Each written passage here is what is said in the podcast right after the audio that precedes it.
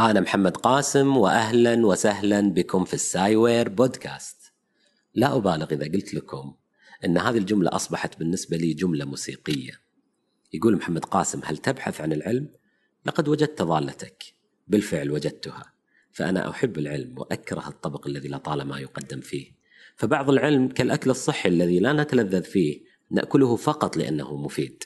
أما الدكتور محمد قاسم في ال Sciware فأعاد تعريف المعرفة من جديد. لأنه يهتم جدا بالطعم والطبق فهو يقدم العلم الصحي بنكهة شهية على طبق من ذهب. أحد أصدقائي في كل مرة يقرر فيها السفر يطلب مني مرافقته في الطريق. بعد أن عرفته بال Sciware Podcast للأسف لم يعد يطلب مني ذلك. كنت أستمع لل Sciware لسنوات باستمتاع. فلما التقيت بالدكتور محمد قاسم أول لقاء كان لدي اعتراض بسيط على أحد الحلقات وكنت مستعد جيدا للنقاش. ففاجأني. وأنهى الحوار من السطر الأول. عندما قال لي بكل بساطة فعلا أتفق معك لقد كنت مخطئا. هنا يتوقف البحث ويبدأ العلم الممتع والموثوق. دكتور محمد قاسم أنا ما أهنيك فقط على هذا البرنامج اللذيذ بل أهني نفسي وأهني كل المستمعين العرب فيك. أخوك عمر البدران.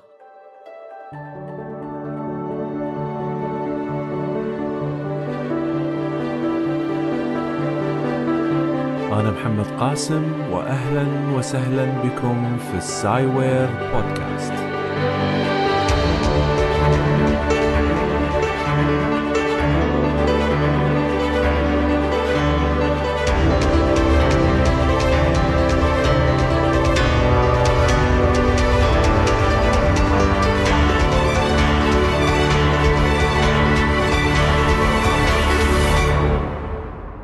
أهلا وسهلا بكم في الحلقة الأخيرة لسنة 2015 ستحتوي على ثلاث مواضيع.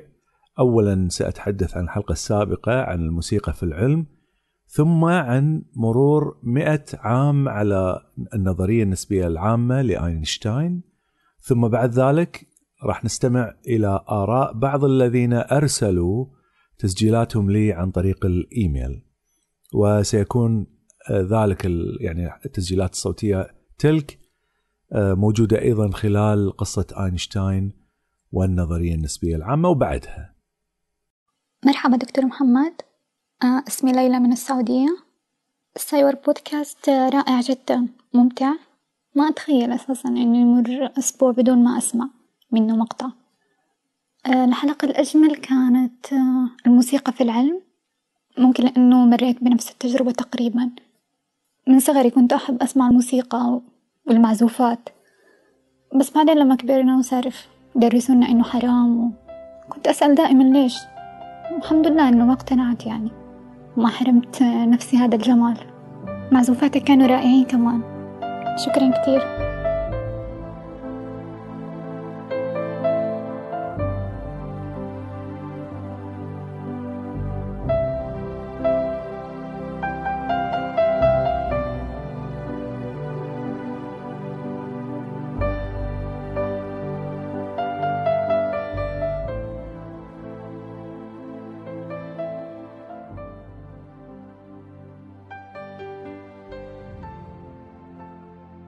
بداية أود أن أشكر جميع من تفاعل مع الحلقة السابقة وهي عن الموسيقى في العلم. هي مست مشاعر الجميع إما إيجابا أو سلبا وقد دفعهم إلى التواصل معي لشرح موقفهم من الحلقة. شكري لهم هو لأنه في كل الردود اللي أتتني لم يسئ شخص واحد في الرد. الجميع كان محترم إلى أقصى الحدود حتى إن كانوا يختلفون يعني بعضهم طبعا القلة اللي كانوا يختلفون مع محتويات الحلقة. وبصراحة أنا ممتن للمتعاطفين مع الحلقة واللي مختلفين مع الحلقة كلهم كانوا محترمين جدا. للعلم أنا بدأت في هذه الحلقة أو في بداية كتابتها من شهر ثمانية أو أغسطس. إلى أن قدمتها في شهر نوفمبر اللي فات عملت عليها أثناء سفري للسياحة وكتبت مقدمة الحلقة آنذاك وشرعت بقراءة المقالات العلمية وتصفيتها أيضا في تلك الفترة.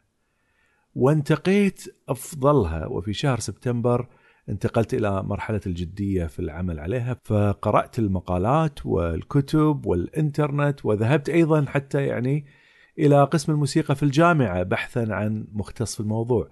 كنت أهدف إلى نقل أقوى المعلومات اللي ممكن أحصل عليها عن الموسيقى بحيث يصعب ليس فقط على الشخص العادي الرد عليها ولكن حتى المختص سيعاني في رده على المعلومات اللي فيها.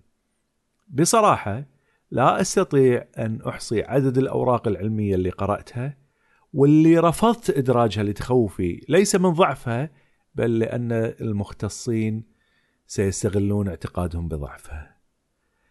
السبب اللي جعلني أركز على هذه الحلقة وبهذا المستوى من الدقة هو أن لها رابط ديني.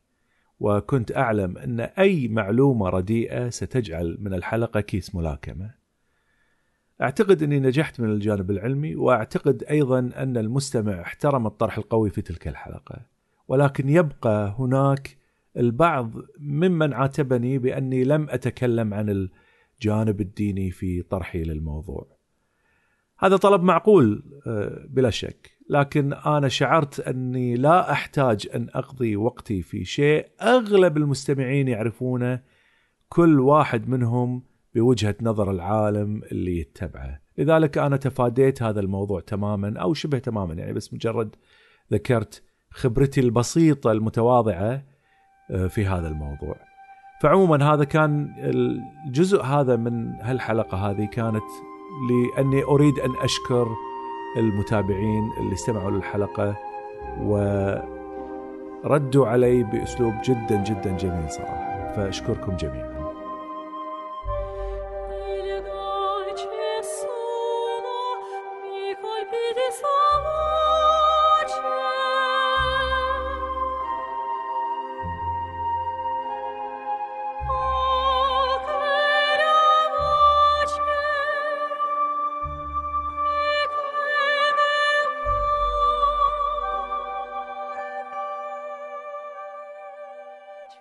بعد أن انتهى أينشتاين من النظرية النسبية الخاصة ونشرها في سنة 1905 لم ينتهي من عمله. فقد كانت هناك مشكلتان لا تحلهما النظرية. المشكلة الأولى كانت تتعلق بسرعة الجاذبية فمن المعروف أن سرعة الضوء هي القصوى. فكيف يمكن للجاذبية أن يكون لها التأثير اللحظي في الكون؟ كما كان يظن نيوتن. المشكلة الثانية هي أن القوانين النسبية الخاصة لا تتعامل مع التعجل، فقد كانت تتعامل مع السرعات الثابتة ولحل هاتين المشكلتين كرس أينشتاين عشر سنوات مضنية من حياته على نظرية مجال الجاذبية يمكن فقط تركيزه على النظرية النسبية العامة لما دخل إلى عالم ميكانيكا الكم ولكن عاد ليواصل عمله على النظرية مرة أخرى. كادت أن تنزلق النظرية من الناحية الرياضية من يده لتذهب إلى عالم آخر. ولكنه توج نهاية العشر سنوات ببحث غير نظرتنا للعالم كله. وكذلك غيرت نظرة الناس له بعد اكتشافه. انفجرت شهرته بعد أن أثبتت نظريته. في عام 1907 خطرت على ذهنه فكرة عبقرية وهي اللي لقبها باسم مبدأ التكافؤ أو equivalence principle. ربط أينشتاين بين التعجل والجاذبية وابتدع تجربة تخيلية تبين كيف أنه لا يمكن التفريق بين الجاذبية والتعجل فهما وجهان لعملة واحدة. فلو تخيلنا مثلا أن رجل بداخل مصعد وهذا المصعد ما في نوافذ وبيده كرة أفلت هذه الكرة من يده وتوجهت هذه الكرة إلى الأرض إلى أرض المصعد فإن الشخص اللي بالداخل لن يستطيع أن يعرف إن كان المصعد على الأرض ويتأثر بالجاذبية أو أنه بالفضاء الخارجي ويتعجل المصعد صعودا. كيف له أن يفرق بين الاثنين اذا من هذه الفكرة طبعا لا لا يستطيع أن يفرق. من هذه الفكرة التخيلية يتبين أن الجاذبية والتعجل هما أمران متكافئان. الآن لو تخيلنا أن المصعد في الفضاء الخارجي وأن هناك ثقب في جانب المصعد ودخل شعاع من الضوء بالداخل بداخل هذه الفتحة هناك ثلاث احتمالات. فلو أن المصعد ثابت لا يتحرك طبعا إحنا نتكلم حركة نسبية فإن الضوء هذا راح يدخل من الفتحة وراح يسقط على الحائط الآخر بعد أن يعبر في خط مستقيم موازي لسطح المصعد. الحالة الثانية لو أن المصعد يتحرك بسرعة ثابتة إلى الأعلى الآن سرعة ثابتة مو تعجل فإن الضوء سيعبر من الفتحة إلى الجانب الآخر في خط مستقيم ولكنه متجه إلى الأسفل أو مائل إلى الأسفل. وسيسقط على حائط الجانب الآخر. أما إن تعجل المصعد إلى الأعلى فالضوء سيدخل في الفتحة ويتحرك إلى الجانب الآخر وسيميل ليكون قوس إلى الأسفل. العجلة تقوس الضوء. okay. اذا هذا اللي تسويه العجلة في الضوء تجعله ينحني. الحين أرجع مرة ثانية لنظرية أينشتاين أو المبدأ مبدأ التكافؤ بما أن العجلة والجاذبية متكافئان فإذا الجاذبية ستقوس الضوء كما يقوم بذلك تعجل المصعد. فكرة عبقرية. من هذه الفكرة تبين لأينشتاين أنه يستطيع أن يحل مشكلته وقال أدركت أنني سأستطيع تمديد أو تعميم مبدأ النسبية لتطبق على الأنظمة المتعجلة بالإضافة لتلك التي تتحرك بسرعة ثابتة. ثم ذكر بعد ذلك وأنه بعد أن أفعل ذلك توقعت أنني سأكون قادرا على حل مشكلة الجاذبية في نفس الوقت. بقيت هذه الفكرة المبدئية معلقة لمدة أربع سنوات حيث قضى أينشتاين الكثير من وقته في ميكانيكا الكم. وكلنا يعرف كم أقلقته تلك النظرية ولكنه عاد مرة أخرى للانعكاف على النظرية النسبية العامة سنة 1911 ونشر ورقة علمية في مجلة نالندر فيزيك وهي نفس المجلة اللي نشر فيها ورقته العلمية عن النظرية النسبية الخاصة. ذكر في المقالة تفصيل أكبر عن تأثير مبدأ التكافؤ على الضوء وكانت بعنوان عن تأثير الجاذبية على تفشي الضوء. ومنها قرر أنه يمكن إجراء تجربة تستطيع أن تثبت أن الجاذبية ستؤثر على الضوء لتجعله ينحني. وقام بحساب الزاوية اللي ينعطف فيها الضوء بسبب جاذبية الشمس. وكانت هذه الزاوية هي فاصلة 83 ثواني قوسية. أو تقدر يعني تحسبها بالحساب بالدرجات. راح تكون درجة 0.000 2 3 1 زاوية صغيرة جدا. حتى مع كتلة الشمس الهائلة إلا أن تأثيرها يعتبر صغير على الضوء. كيف نستطيع أن نقيس الزاوية التي ينحني بها الضوء من الشمس؟ تخيل لو أن هناك نجمة كانت خلف الشمس لن نستطيع أن نراها لأن الشمس تغطيها الحين اترك عنك آه، أن الشمس منيرة ولذلك ستختفي النجوم. تخيل لو أن الشمس هي كرة سوداء وأن نحن نحاول أن ننظر للنجوم ليلا. ليلا طبعا الشمس مو موجودة ولكن أعتبر أنها هي موجودة ومظلمة. اذا لن نرى ضوء النجم بسبب تغطية الشمس لها. أشعة نور النجمة اللي تأتي باستقامة منها سيصطدم بخلف الشمس ولن يأتي ذلك النور إلى العين.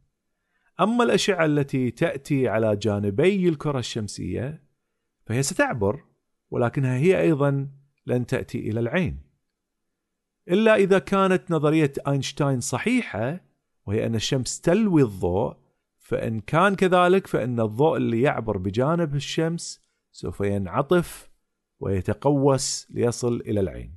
وبذلك آه، نتمكن من رؤية النجم اللي تغطيه الشمس. تبقى المشكلة الوحيدة في ذلك كله هي أن الشمس مضيئة ونورها قوي بدرجة أنه ما راح نستطيع أن نرى النجوم. اقترح أينشتاين أن تجرب هذه النظرية على الشمس وهي في حالة الكسوف. نورها سيتغطى بالقمر وسيكون بالإمكان رؤية تأثيرها على ضوء النجوم من خلفها. وأنهى أينشتاين ورقته العلمية بقوله بما أن النجوم في جزء من السماء القريب من الشمس ستكون ظاهرة عندما تكون الشمس في حالة كسوف كامل. سيكون من المرغوب جدا من الفلكيين أن يأخذوا على عاتقهم السؤال. طالبا طبعا من الفلكيين إجراء التجربة لإثبات فكرته. لم يكن بمقدور أحد أن يقوم بهذه التجربة حتى سنة 1914 الكسوف الكلي لن يحدث حتى 21 أغسطس من, من تلك السنة. ولكن قرأ ورقة أينشتاين الفلكي إيروين فرويندليخ وأعجب بها وقرر أن يقوم بهذه التجربة وسيكون لنا موعد لاحق معه واللي نعرف طبعا الأحداث السيئة اللي مر بها لمحاولته هو وفريق من الفلكيين إثبات نظرية أينشتاين. من أجمل الحلقات التي أحببتها هي حلقة الأفق الجديد بلوتو. جميلة ملهمة عميقة جدا. ليس فقط مسبار الأفق الجديد انقذف بفعل جاذبية الكواكب أنا أيضا انقذفت في الفضاء متأملا في عظمة هذا الكون بعظمة كواكبه ومجراته. وأيضا أدركت عظمة الإنسان وكيف استطاع أن يرى الكوكب القزم بالحسابات والمعادلات قبل أن يراه أخيرا بالصور الفوتوغرافية. أصبحت أحب العلوم أكثر وأصبحت أكثر فضولا بفضل الأسلوب الشيق في الطرح والإلقاء وسرد القصص. أعتقد دقائق الزحمة أصبحت لطيفة بعض الشيء بفضل السايور بودكاست. آه، جميع المواضيع المختلفة التي تطرح في البودكاست هي مواضيع ملهمة وما سيقترح متابعي بالبودكاست لعام 2016 لا أشك إطلاقا في أن يكون جميل وملهم. إن شاء الله عام مليء بالإنجازات. كل التوفيق والسلام.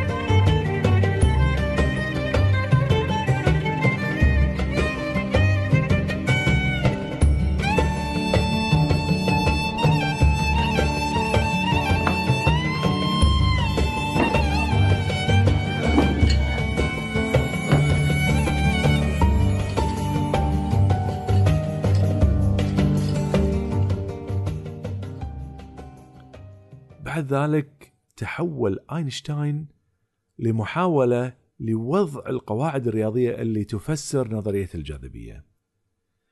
وبدأ برحلة أجهد نفسه فيها إلى حد الجنون. لم يستطع أن يؤسس القوانين لأن النظرية كانت تحتاج إلى رياضيات لم يكن هو قادرا عليها. كانت تعتمد على الهندسة غير الإقليدية، هندسة تضع في عين الاعتبار المنحنيات. خصوصا أن الكون الجديد اللي يفكر فيه آينشتاين لم يكن بالكون المعهود المسطح المستقيم بل هو كون يتأثر بالجاذبية لينحني تحت ضغطه. حتى أنه بعد أن ذهب إلى صديقه الشاطر في الرياضيات الهندسية وزميله في الدراسة مارسيل جروسمان قال له جروسمان لابد أن تساعدني والا سأصبح مجنونا. كان ذلك في سنة 1912 في زيورخ. جروسمان كان زميل أينشتاين في الدراسة بمعهد زيورخ بوليتكنيك. هذا المعهد خرج 21 شخصية علمية حصدت جوائز النوبل من بينها أينشتاين ونيلز بور. ولما كان أينشتاين يتغيب عن فصول الرياضيات في الكلية أو في المعهد فصول الرياضيات الهندسية كان يستعين بمذكرات جروسمان. وفي مادة الرياضيات الهندسية حصل أينشتاين على 25 من ست نقاط في الدرجة النهائية في المادة بينما حصل زميلة على ستة من ستة درجة كاملة. وكذلك ألف جروسمان مجموعة من الأوراق العلمية حول الهندسة غير الإقليدية مما جعل الرجل المناسب لمساعدة أينشتاين. ولما طلب من المساعدة قفز جروسمان لمد يد العون بحماس حتى قال عنه أينشتاين بعد ما شرح له اللي ينوي يسويه لحظيا كان مشتعلا. هذا اللي قاله آينشتاين.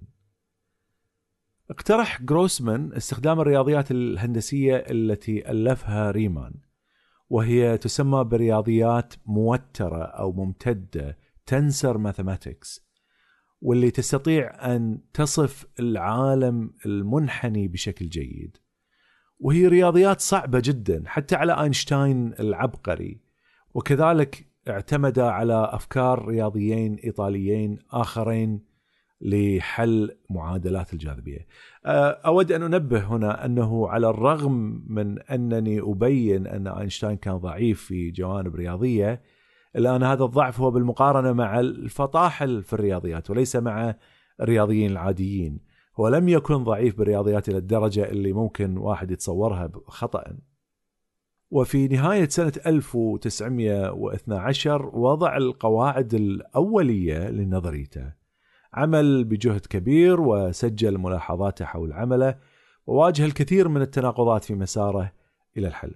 ولكن حتى الحل اللي وصل له لم يكن كامل.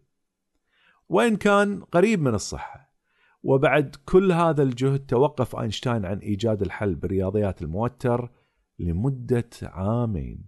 واعتقد خاطئا أن المعادلات لا تأتي بالنتيجة المطلوبة ولم يعد لها إلا في سنة 1915 بدلا من ذلك قام هو وجروسمان بخط مسار رياضي جديد في سنة 1913 وكتب ورقة علمية بعنوان الخطوط العريضة لنظرية نسبية عامة ونظرية جاذبية. Outline of a generalized theory of relativity and of a theory of gravitation. وفي المكان اللي كتب فيه أسماء المؤلفين وضع أينشتاين نفسه كمؤلف للجزء الفيزيائي وجروسمان للجزء الرياضي. وأنا وضعت رابط للورقة في الموقع تستطيع أن تراها بنفسك. أتمنى أن تلقي نظرة عليها حتى ترى كم هي جنونية الرياضيات المستخدمة فيها. أوكي أه وبعد ذلك اختصر اسم النظرية ليكون اسمها انتورف طبعا هي كانت الحروف الأولى لل للكلمات اللي موجودة في العنوان ولكن باللغة الألمانية. وبعد تاليفه للورقة بعدة أشهر من العمل عليها بعث رسالة إلى ابنة عمة ألسا اللي تزوجها لاحقا يذكر لها ارتياحه يقول أخيرا وجدت الحل للمشكلة قبل أسابيع وهي امتداد جزئي للنظرية النسبية مع النظرية الجاذبية.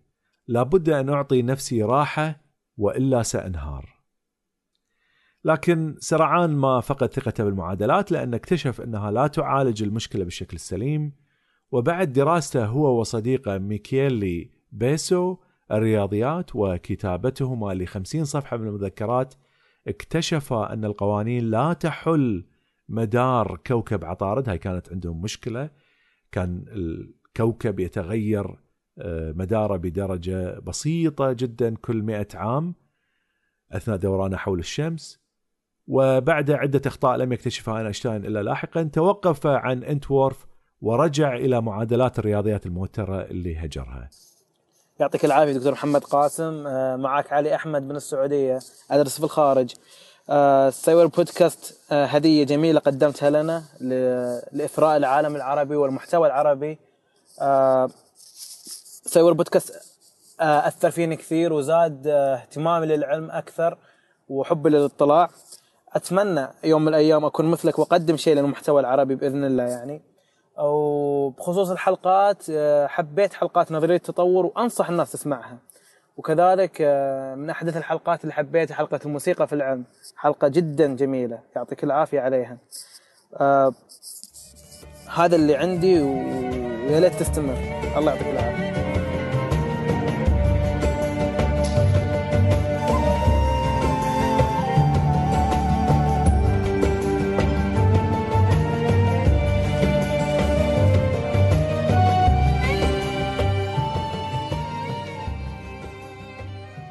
منذ أن نشر أينشتاين ورقته عن انحناء الضوء بفعل الجاذبية سنة 1911 كانت محل ريبة لدى العلماء وكثير منهم ما قبلها.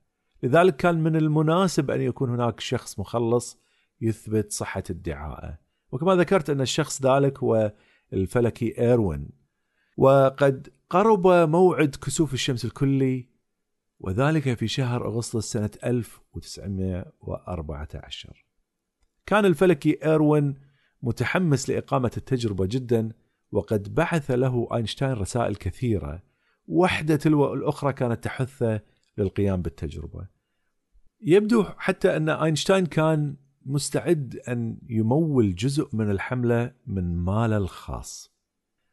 بعد أن تزوج إيروين قرر أن يقضي شهر العسل بالقرب من أينشتاين. أراد أن يقابله فتوجه الزوج إلى زيورخ على متن القطار سنة 1913 استقبلهما أينشتاين في محطة القطار وكان في حينها يرتدي قبعة من القش. ثم توجهوا جميعا إلى مطعم. اكتشف أينشتاين أنه نسى أن يحضر نقود معاه. ومن حسن حظه أن مساعدة كان عنده فلوس فقدم له 100 فرانك من تحت الطاولة. وبقي أينشتاين مع إيروين اليوم كله يتناقشان عن تأثير الجاذبية على الضوء. تجهز إيروين وإثنان من زملائه للسفر بتاريخ 19 يوليو هذا سنة 2014 وحملوا معهم أجهزة التصوير وانطلقوا إلى شبه جزيرة القرم في روسيا والتحقوا هناك بفلكيين آخرين. وفي بداية أغسطس وقبل الكسوف الذي كان سيحدث بتاريخ 21 بدأت بوادر الحرب العالمية الأولى بالظهور. أعلنت ألمانيا الحرب على روسيا فقبض على البعثة العلمية وأودع الفلكيون في السجن.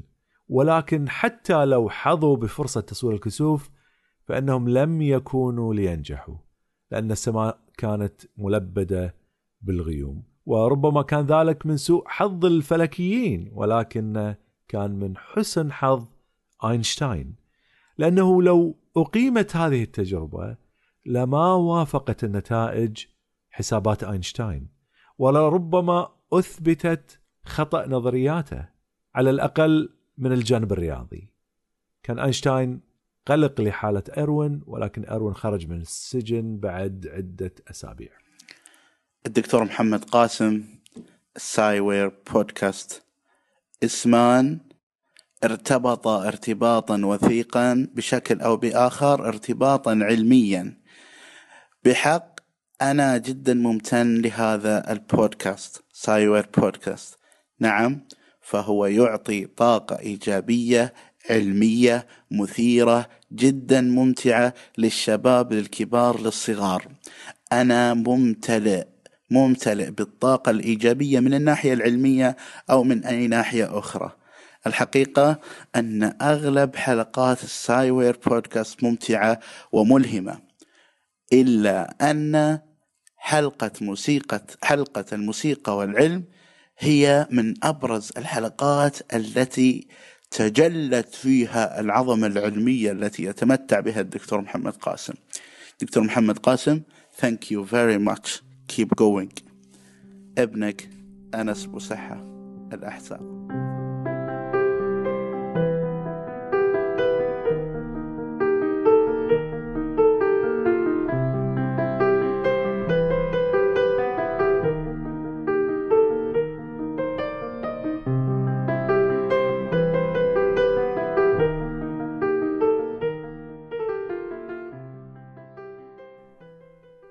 لما بدأت الحرب العالمية بالاشتعال نادى أينشتاين الناس للالتزام بالحث على السلم بدلا من الحرب. كان يكره الحرب بشدة. أما بعض أصدقائه من العلماء فكانوا يحرضون عليها. فقال في كلمة له نحن العلماء بالأخص لابد أن نحتضن التعاون الدولي. للأسف أننا عانينا من خيبة الأمل حتى في أوساط العلماء من هذه الناحية.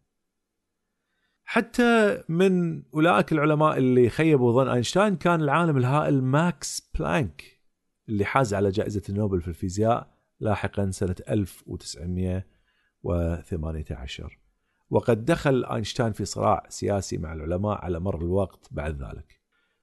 أضف الانشغال الذهني مع مشكلة الحرب والسياسة والأصدقاء الذين انجرفوا وراء صيحات الحرب. كان أينشتاين أيضا يعاني من مشاكل زوجية فقد بانت بوادر انفصاله عن زوجته مليفا ماريتش وأيضا كان منقطع عن أطفاله ولكن كل ذلك لم يمنعه من إكمال مسيرته لإيجاد حل صحيح للنظرية النسبية العامة. في عام 1915 وقد الآن شارفنا على آه، مرور 100 عام لإعلان النظرية النسبية العامة. كانت هذه السنة ربما أكثر السنوات قلقا وحماسا لأينشتاين. كادت أن تفلت النظرية من يده لتحتضنها يد رياضي آخر وهو ديفيد هيلبرت ولكن هو تلقفها في اللحظة الأخيرة. لم ينتقل أينشتاين إلى الرياضيات الموترة بعد كان لا يزال يعتقد أن نظرية الأنتورف كانت صحيحة رغم أنه دخل في جدل مع علماء الرياضيات حول حساباته السابقة في الرياضيات الموترة. آه لم يقنعه أيضا الخطأ في الحساب في حسابات المدار مدار عطارد أن يهجر الأنتورف. بقي عليها حتى صيف 1915 وفي يونيو من ذلك العام ألقى محاضرات لمدة أسبوع. مدتها ساعتين يوميا في جامعة جوتنجن ومن ضمن من حضر هذه المحاضرات كان الرياضي الألماني العبقري ديفيد هيلبرت.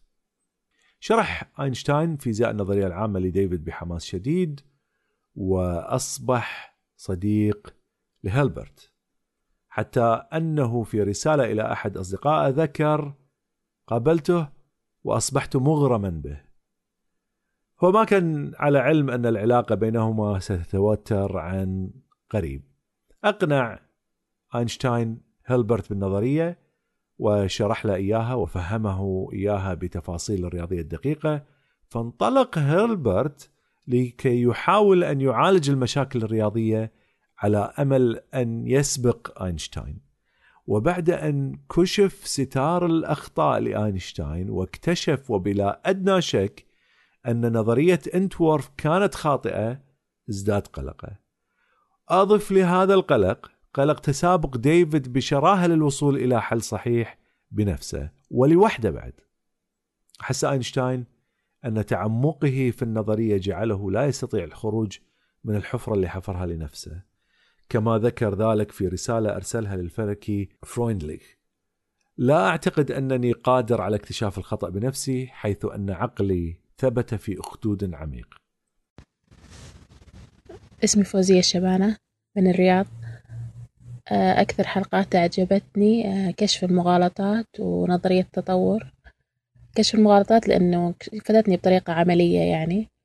ونظرية التطور آه، لأنه ضحكتني المثال في بداية الحلقة.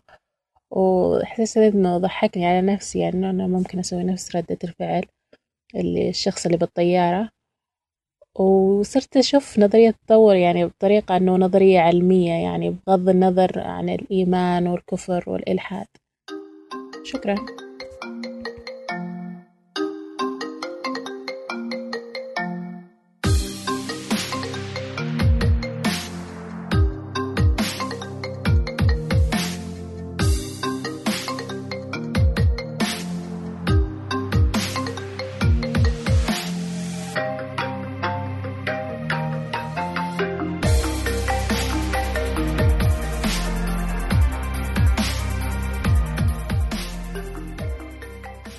لكن آينشتاين بقي على أمله أن يجد الحل وأصر على أن يحل المعادلات ورجع إلى رياضيات الموتر مرة أخرى وهجر الأنتورف بسرعة فقضى أربعة أشد الأسابيع في حياته في تصحيح النتائج القادمة.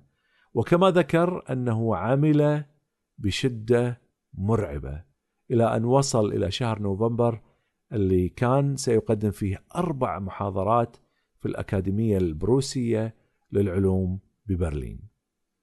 فألقى الأولى بتاريخ 4 نوفمبر ما كان توصل للحل آه، في تلك الفترة للنظرية النسبية بعد. وفي تلك المحاضرة شرح الأخطاء اللي وقع فيها في الماضي لإيجاد الحل وبين كيف أنه رجع إلى ما عمل عليه قبل عامين. وأخبر الحضور أنه هو وهيلبرت اقتربا من الحل الصحيح. في تلك الأيام الغائمة بعث رسالة إلى ولده هانز ألبرت الذي لم يره منذ فترة طويلة يقول فيها سأحاول أن أكون معك لشهر من كل عام حتى يكون لك أب محب لك وقريب منك. ستستطيع أن تتعلم مني الكثير من الأشياء الجيدة التي لا يستطيع أن يوفرها آخر غيري. الأشياء التي حست عليها من العمل المضني لن تكون ذو فائدة فقط للغرباء بل حتى بالخصوص لأبنائي. في الأيام الماضية انتهيت من واحدة من أعظم الأوراق في حياتي. حينما تكبر سأخبرك عنها. وأنهى الرسالة باعتذار غالبا ما أكون مندمجا في عملي فأنسى أن أتغدى. مصرحا بطريق غير مباشر عن سبب غيابه عن ابنه. بتاريخ 11 نوفمبر قدم أينشتاين ورقة أخرى في محاضرة وقدم بعض التصحيحات ولكنها أيضا لم تكن كاملة أو حتى صحيحة. وفي تلك الأثناء كان يبعث برسائل إلى هيلبرت وفيها حلولة وأفكاره. وفي الرد أرسل هيلبرت رسالة إلى أينشتاين أنه هو أيضا لديه نظرية وأنه سوف يؤخر النقاش فيها إلى تاريخ 16 نوفمبر.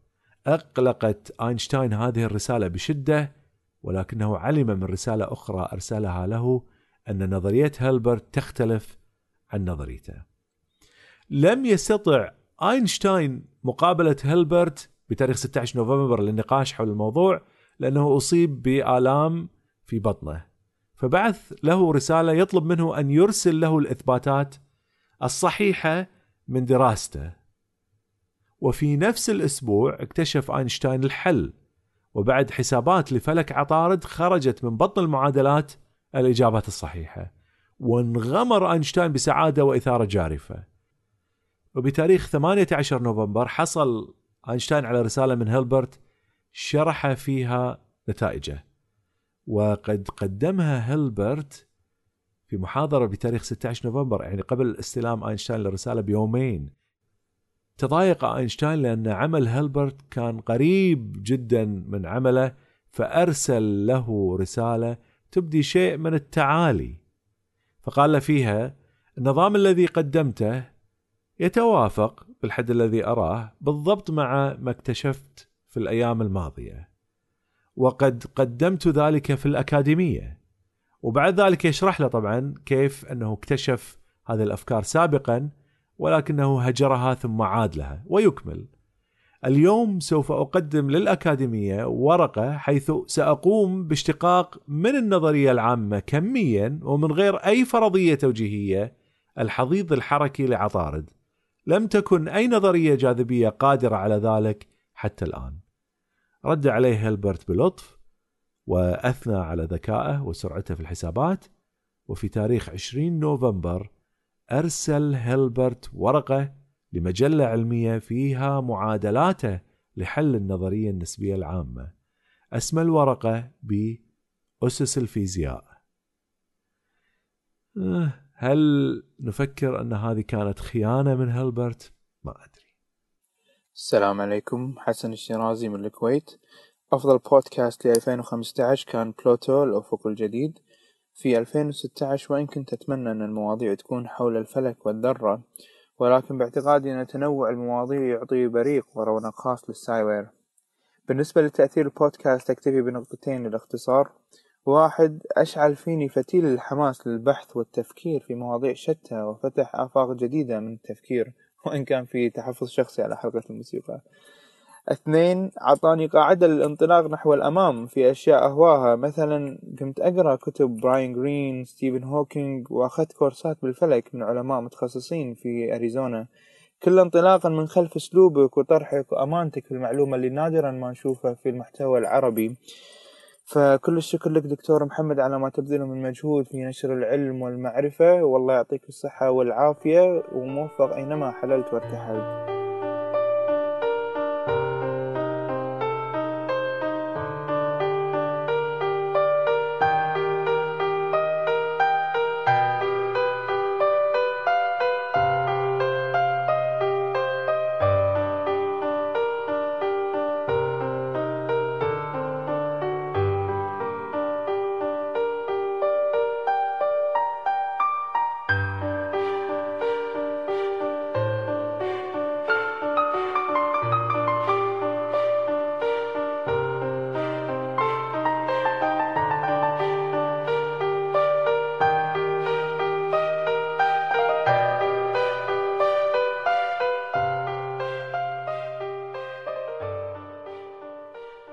بتاريخ 25 نوفمبر قدم وتوج أينشتاين محاضراته الأخيرة بإكماله للنظرية النسبية العامة بعنوان معادلات المجال للجاذبية.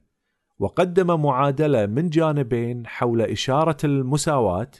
شكل المعادلة بسيط ولكن عمقها الرياضي هائل جدا.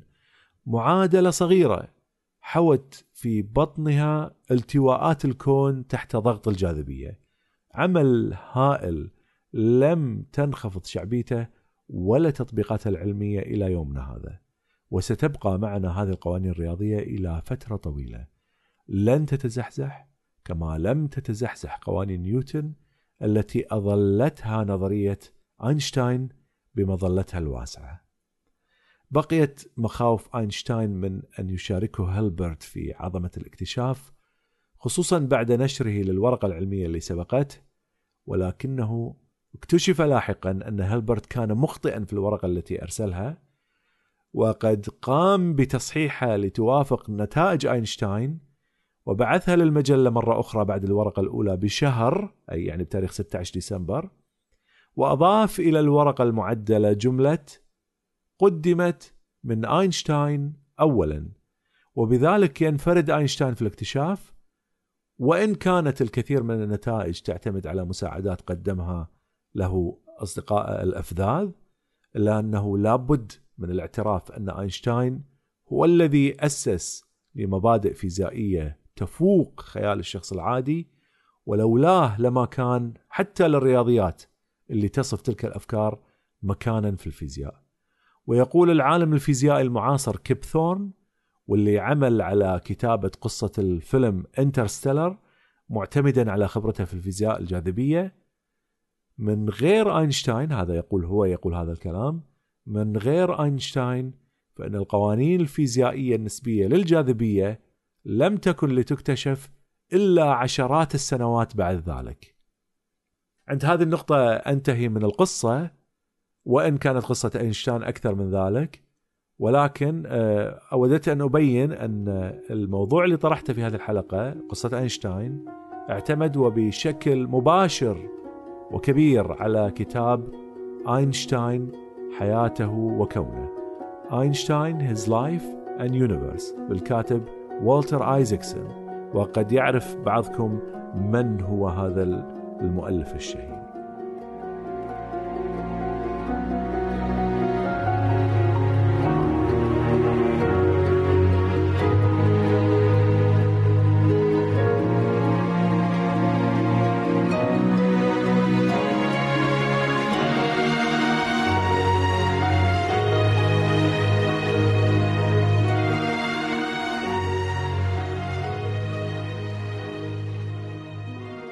طلبت من المستمعين أن يسجلوا أصواتهم بآرائهم عن أفضل الحلقات كما يعتقدون. وكذلك ما يتمنونه من حلقات في سنة 2016 وأن يبدوا آرائهم بشكل عام. سمعتم بعض هذه الأصوات في بداية الحلقة آه، في المقدمة من صديقي عمر البدران من المملكة العربية السعودية. وكذلك تخللت بعض الأصوات الموضوع آه، موضوع أينشتاين. والآن نكمل الاستماع للأصوات الأخرى وشكرا جزيلا لجميع المشاركين الذين سجلوا أصواتهم وبعثوها لي بالإيميل. وشكرا لكل من يساهم في نشر العلم. مساء الجمال دكتور محمد. أنا علي اليوسف أعيش في السويد. أشكرك جدا على كل ما تقدمه في السايوير استمتعت جدا بشكل جدا كبير وبحثت كثير جدا بعد ما استمعت للحلقات التي تطرقت للميكانيكا الكمية. لأنه صار عندي اهتمام جدا بهذا الأمر. أيضا الحلقات اللي تتعلق بالمنطق والفكر النقدي. ما أتمنى منك القيام به. التعرض التفكير الإنساني الهيومانيزم بوضع عدة حلقات في الفلسفة والعلم عن هذا الفكر. وأيضا أتمنى جدا تخصيص عدة حلقات للتفريق بين ال pseudoscience والعلم المثبت وطرح الطرق كيف نتبين أيهم pseudoscience وأيهم آه، علم راسخ مثبت بأدلته وكيف نتوصل نحن إلى هذه المعلومة المثبتة علميا. آه، وشكرا لك جدا. ممتنين لكل معلومة تقدمها لنا. السلام عليكم ورحمة الله. أخوكم عامر الجبر من السعودية الأحساء. بالنسبة لي كانت أفضل حلقة في السايبر بودكاست اللي هي كيف تكشف المغالطات. آه هذه المغالطات دائما نشوفها في أحاديثنا اليومية وبعد الاستماع لهذه الحلقة آه عرفت كيف أكشف هذه المغالطات. مغالطة مثل آه رجل القش أو أن كيف الشخص يرمي الدليل على الطرف الآخر في حين أنه هو المفترض أنه يأتي بالدليل. أيضا استفدت كثير من البودكاست مثل آه، في حلقة نظرية التطور. كنت قبل رافض الفكرة للمعتقدات قديمة لكن استفدت من آه، البرنامج أني أستمع إلى جميع الأطراف ومن ثم أحكم. من غير إصدار أحكام مسبقة. وشكرا للدكتور محمد القاسم. مرحبا أحمد المالكي من السعودية. يعجبني جميع حلقات البودكاست ولكن أكثر حلقة لها تأثير علي. الموسيقى والعلم وما هي الحياة ومن سلبيات البودكاست ولا الحلقات والمقابلات الشخصية. بالمناسبة لن أستمع لهذا البودكاست لأنه بلا معنى وإذا كانت نهاية سنة 2015 ماذا يعني؟ وشكرا. السلام عليكم دكتور.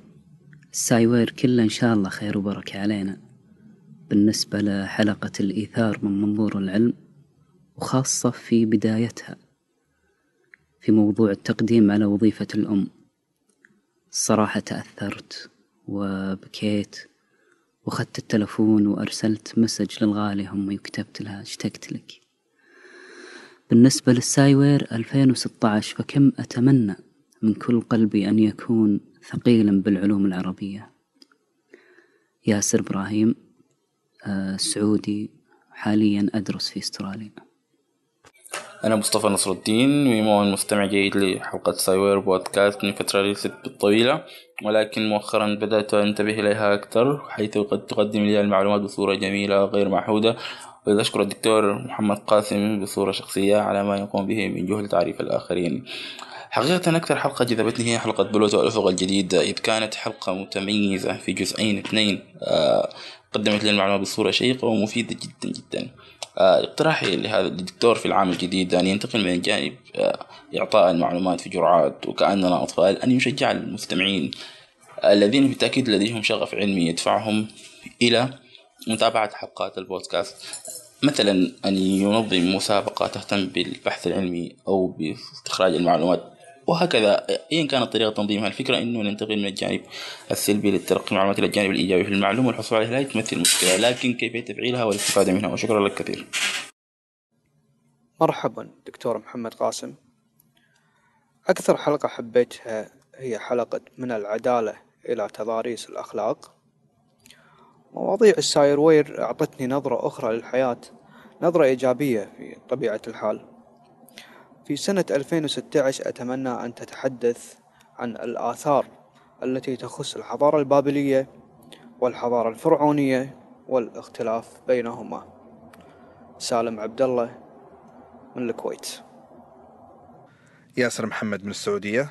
قبل أهنيك دكتور محمد على النجاح الكبير في البودكاست. أنا أهني نفسي أني وجدت هذا البودكاست اللي أبحث عنه من زمان يعني ملأ فراغ كبير. البودكاست آه، أول حلقة استمعت لها عام 2011 عن طريق تويتر. واحد من أصحابي عمل شير لواحدة من حلقاتك. تلقائيا اكتشفت نفسي خلال أسبوعين استمعت لجميع الحلقات القديمة اللي أنت ظاهر بدأت فيها من 2008 أعتقد. رائعة جدا جدا كمية معلومات أثرتني صراحة. رغم أني عندي ثقافة علمية واطلاع لا بأس فيه لكن أسلوب التبسيط الرائع اللي أنت تقدمه بالشكل اللي برضو ما يضر أو ما يخل بالفكرة الأساسية أو النظرية العلمية نفسها. جهد تشكر عليه. تبسيطك للمعلومة طريقة إلقائك الجهد اللي تبذله على البودكاست تحريك للدقة تصحيحك للمعلومات كل هذا صراحة يجعل من عملك عمل بطولي صراحة. يعني أنا بعض الحلقات صراحة استمعت لها أكثر من 40 مرة يعني آه، بلا مبالغة. بالذات حلقات المغالطات المنطقية أثرت فيني بشكل آه، مو طبيعي. آه، يعني أنت جعلت مني شخص أكثر وعي وإدراك بالمغالطات المنطقية اللي نرتكبها كل يوم. بينما نرفض هذه المغالطات لما يرتكبها الطرف الآخر وهنا المشكلة. لكن بأسلوبك الرائع وابتعادك عن المواضيع الحساسة خليتنا نفكر ونعيد التفكير على أنفسنا بحيث أننا نستوعب الحجم أو حجم الخطأ اللي كنا إحنا فيه. السلام عليكم ورحمة الله. أمواج القحطاني من السعودية. المرة الأولى التي كنت فعلا فيها محظوظة ألا وهي اقتراحات تويتر لي لمتابعة أشخاص. كان منهم دكتور محمد قاسم. فعلا كان ضالتي في العلم بعد أن علمت أن لدى دكتور محمد قاسم سايبر بودكاست كانت الحلقة الأولى سماعي في السايبر بودكاست عن جرافين مادة المستقبل. فعلا ذهلت من الكم الهائل للمعلومات وليس فقط الكم الهائل من المعلومات إنما طريقة سرد دكتور محمد قاسم للمعلومات. طريقة سرد أخاذة جدا. لدرجة أنني أردت أن أكمل حلقة تلو الأخرى. حلقة تلو الأخرى. ليس طمعا في المعلومات أكثر من طمعا في أسلوب دكتور محمد قاسم لسرد هذه المعلومات. فعلا نجحت دكتور محمد قاسم في جذب انتباه المستمعين في السايبر بودكاست. بعد حلقة الجرافين مادة المستقبل. ذهبت إلى أن أسمع الأكوان المتوازية والعوالم المتعددة. كنت مندفعة لهذا الموضوع قبل أن أسمع البودكاست. عندما سمعت البودكاست تعلقت أكثر لدرجة ألبس ال headphones وأغفى وأنا أسمع في العوالم المتعددة والأكوان المتوازية. فعلا تعلمت الكثير الكثير الكثير الذي كان سيأخذ مني وقت كثير في أن أبحث في محركات البحث الكبرى. عفوا الكبرى. بعد أن أكملت العوالم المتعددة والأكوان المتوازية الجزئين ذهبت إلى ملحمة جلجمش ملحمة خيالية جدا. لا يستطيع العقل أن يصدق بعضا منها وليس جميعها. لكن استمتعت فعلا بأن انطلقت في خيالي في سماعها. لدرجة أنني أوصيت الكثير من أصحابي في سماع هذه الملحمة من دكتور محمد قاسم. فعلا لك الفضل الكثير في المعلومات التي أمتلكها الآن دكتور محمد قاسم. أنا فعلا ممنونة ومشكورة لك. شكرا جزيلا. وأتمنى أن تكون الحلقات الأخرى أو البودكاست لعام 2016 مذهل جدا كما فعلت في عام 2015 شكرا جزيلا دكتور محمد قاسم. أهلين دكتور محمد الله يعطيك العافية. آه، صراحة برامج كثيرة آه، وغيرت آه، في تفكيري ومبادئي وبعض معتقداتي في السايروير. الثقوب السوداء رحلة إلى العطارد كثيرة صراحة. أشكرك أشكرك صراحة و أتمنى أنك تستمر في هذا الشيء. وبالنسبة للبراء الأشياء حاب أنك تتكلم عن أشياء يعني لها علاقة في المعتقدات والمبادئ والأفكار المغلوطة عندنا حنا كخليجيين وعرب ومسلمين بالذات. آه ويعني أشياء لها لها طابع آه طبي يعني أو لها شيء له علاقة في الطب يعني أو شيء رياليستيك يعني آه واقعي أكثر من الخيال. آه عبد العزيز الرياض شكرا لك. مرحبا دكتور محمد أخوك نايف الوابلي من السعودية الظهران. الحقيقة مستمتعتني حلقة الموسيقى الأخيرة لأني تقريبا مريت بنفس القصة وكثير للأسف في الخليج مروا بنفس القصة هذه اللي هي قصة أنه تدين وترك الحياة فترة ثم رجع. تعلقك في الموسيقى وأنت صغير ثم تحطيمك للبيانو وعودتك لها بعد ربع قرن ثم وضعك للفواصل الموسيقية اللي أنت مؤلفها ثم موسيقى إلى زوجتك الفاضلة. كان صراحة جميل جدا ومؤثر جدا. فأشكرك على هذه القصة الرائعة اللي شاركتنا فيها من حياتك. كذلك وصفك وكلامك عن تأثير الموسيقى على نمو عقل الطفل أثر فيني كثير وبديت أتخذ خطوات جدية لأجد مدرب موسيقى لابني أنس خمس سنوات. وهذا كله فضلك إذا تعلم الموسيقى واستفاد منها. راح يكون فضلك وفضل آه، توجيهك لأني فعلا ما كنت منتبه لها من قبل. كذلك يا دكتور من الحلقات اللي أعجبتني كثير أول حلقة تكلمت فيها عن التطور مش المقابلات اللي مع الدكتور الكويتي للأسف نسيت اسمه لا الحلقة الأولى اللي قبلها اللي تكلمت فيها عن التطور. أنا سعيد إنك تكلمت فيها دكتور ليش؟ لأنه للأسف هذا الموضوع الكل يتحسس منه، كل المثقفين والعلماء والمتنورين ما يتكلمون فيه لأنه ما حد يبي يعني ما حد يبي يستفز الناس ما حد يبي الناس تزعل عليه. أنا سعيد إنك فتحت هذا الموضوع يا دكتور وأتم وللأسف إن أهل الباطل يجهرون بالباطل وأهل الخرافة يجهرون بالخرافة بجميع التواصل الاجتماعي. افتح تويتر وشوف المقاطع اللي ينزلونها للأسف والخرافات والكلام الفاضي. وللاسف إنه أهل العلم والثقافة والمتنورين يا دكتور يخافون من الناس ولا يبون النقد ويتورعون عن المواضيع العلمية الرائعة الجميلة. فأتمنى يا دكتور إنك تكثر من هذه المواضيع. وأنا سعيد جدا إني سمعت منك هذا الموضوع. أما بالنسبة للمواضيع اللي أتمنى أسمعها في المستقبل اولا آه، جوانب موضوع التطور نظرية داروين كبيرة. أتمنى إنك تركز عليها وتعيد عليها دكتور كثير. ليش يا دكتور؟ لأنه أتوقع النظرية هذه هي هي النظرية اللي إذا اقتنع فيها الناس راح تغير طريقة أفكارهم وراح تتساقط الخرافات الأخرى مثل الأحجار الدومينو. لأن مثلي أنا لما اقتنعت فيها دكتور بديت أراجع نفسي بشكل كبير جدا وش الأفكار الثانية اللي أنا مقتنع فيها مش راضي اغيرها لكنها هي غلط. ففعلا خلتني أراجع نفسي وكثير بدوا يراجعون نفسهم من الشباب من جيلي أو بشكل عام الناس اللي آمنوا أو اقتنعوا بالنظرية هذه. فأتمنى يا دكتور إنك تركز عليها بالذات إنها هي من أجمل المواضيع وأقربها لنا يا دكتور. أتمنى إنك تركز عليها بشكل كبير. كذلك يا دكتور مبسوط جدا يا دكتور إنه في نبرة آه، تحدي بدأت تظهر في أسلوبك آه، مؤخرا. آه، مثلا لما تكلمت في الموسيقى وعن تحريمها وبدأت تنتقد في حلقة الموسيقى الأخيرة كذلك لما تكلمت عن الشطرنج والناس اللي حرمت الشطرنج. أنا مبسوط بنبرة التحدي هذا يا دكتور لأنه للأسف يا دكتور أسلوب اللطيف الجميل الهادي ما حد يقتنع فيه أبدا يا دكتور وللأسف الناس ما تأخذه بشكل جدي. لكن الأسلوب التصادمي وأنا أتكلم أسلوب التصادمي محترم لائق. ما أتكلم مثل يعني أسلوب تصادمي غير لائق.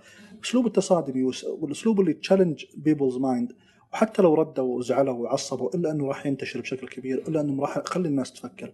فأتمنى يا دكتور إنك تكثر من هذه المواضيع وأنا حاليا ما أشوف واحد في العالم العربي يطرح بنفس أو في الخليج على الأقل يطرح بنفس الطرح اللي تطرحه وقربه للناس ومحبة الناس له.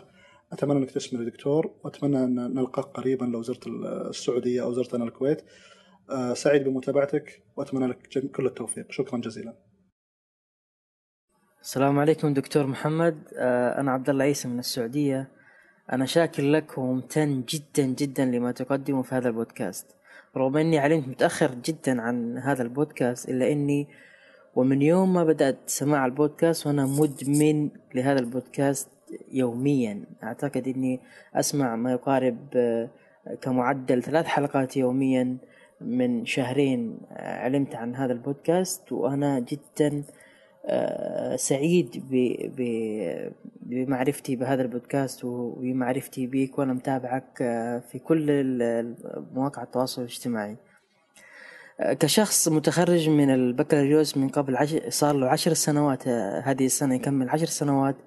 أعتقد أنه بفضل الله ثم البودكاست آه، شغوف إني أكمل دراسة وك- وشغوف إني آه، أتابع كل معلومة وكل ما يعني تقدمه.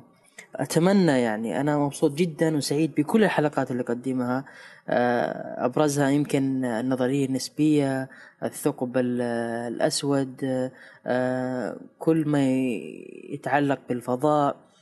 أعتقد أنك بسطت لي كل المفاهيم هذه اللي كنت أجهلها تماما أو إني ما أحاول إني أتعب نفسي أخوض في هذه النظريات آه، بحكم آه، سمعها سمعتها أنها صعبة أو شيء من هذا القبيل. وشكرا جزيلا لكل ما تقدمه و... والله يجزاك على كل آه، ما تقدمه وإن شاء الله يكتب ذلك في ميزان حسناتك. وشكرا لك وفي أمان الله أعتذر من جميع الأخوة والأخوات الذين أرسلوا أصواتهم الجميلة للسايبر بودكاست واقتراحاتهم الرائعة. أنا سمعتها كلها ولكن لأن البودكاست طال بما فيه الكفاية اضطررت لي أن لا أضع جميع هذه الأصوات. ولكن شكرا لكم جميعا وإلى اللقاء في الحلقة القادمة.